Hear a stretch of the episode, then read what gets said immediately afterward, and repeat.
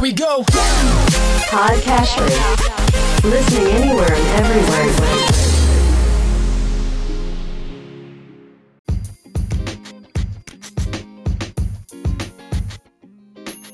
Welcome to Weekly Investment Podcast bersama saya Ferdian Syahputra dari Ispring Investment Indonesia untuk Prudential Indonesia. Aktivitas produktif dari seluruh penduduk suatu negara yang berinteraksi dengan beragam macam faktor-faktor produksi, jika diakumulasi secara keseluruhan, maka akan mencerminkan kondisi perekonomian suatu negara. Oleh karena itu, dalam perjalanan tumbuh dan berkembangnya ekonomi suatu negara, bagaimana komposisi kependudukan yang tergambar dalam kondisi demografi suatu negara tentunya akan memiliki pengaruh terhadap proses tumbuh berkembangnya perekonomian itu sendiri.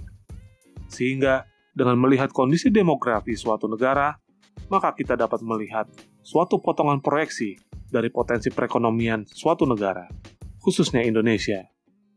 Berdasarkan berita resmi dari Biro Pusat Statistik, penduduk Indonesia per September 2020 mencapai 270,20 juta jiwa, di mana lebih dari setengah penduduk Indonesia masih terpusat di Pulau Jawa, diikuti dengan Pulau Sumatera, Sulawesi, Kalimantan, dan Bali Nusa Tenggara.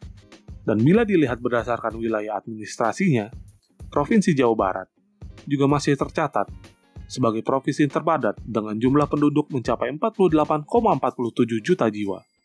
Sedangkan yang terendah adalah Provinsi Kalimantan Utara dengan jumlah penduduk kurang dari 1 juta jiwa. Dari 270,20 juta jiwa penduduk Indonesia berdasarkan hasil sensus yang dilakukan oleh Biro Pusat Statistik tersebut, penduduk produktif di Indonesia mencapai 70,2 persen, yang artinya ada sekitar 194,5 juta jiwa yang masuk usia produktif di rentang usia antara 15 hingga 64 tahun. Dan kondisi ini menunjukkan bahwa Indonesia masih dalam kondisi bonus demografi. Kondisi bonus demografi ini bagaikan pisau bermata dua. Jika dapat dikelola dengan baik, maka bonus demografi ini akan menjadi berkah tersendiri kepada perekonomian secara keseluruhan. Akan tetapi, jika tidak dapat dikelola dengan baik, maka akan menjadi beban ke depannya, karena dapat mengakibatkan ledakan angka pengangguran.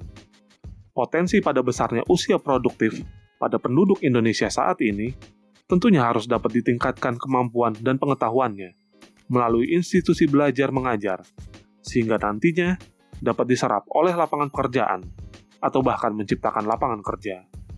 Dalam pengembangan dan pemanfaatan dari kondisi bonus demografi ini, tentunya masih diselumuti berbagai tantangan dari hulu ke hilir, baik dari sisi pembukaan lapangan kerja maupun peningkatan kualitas sumber daya manusia, terlebih saat ini baik Indonesia maupun dunia masih dihadapkan oleh permasalahan pandemi COVID-19.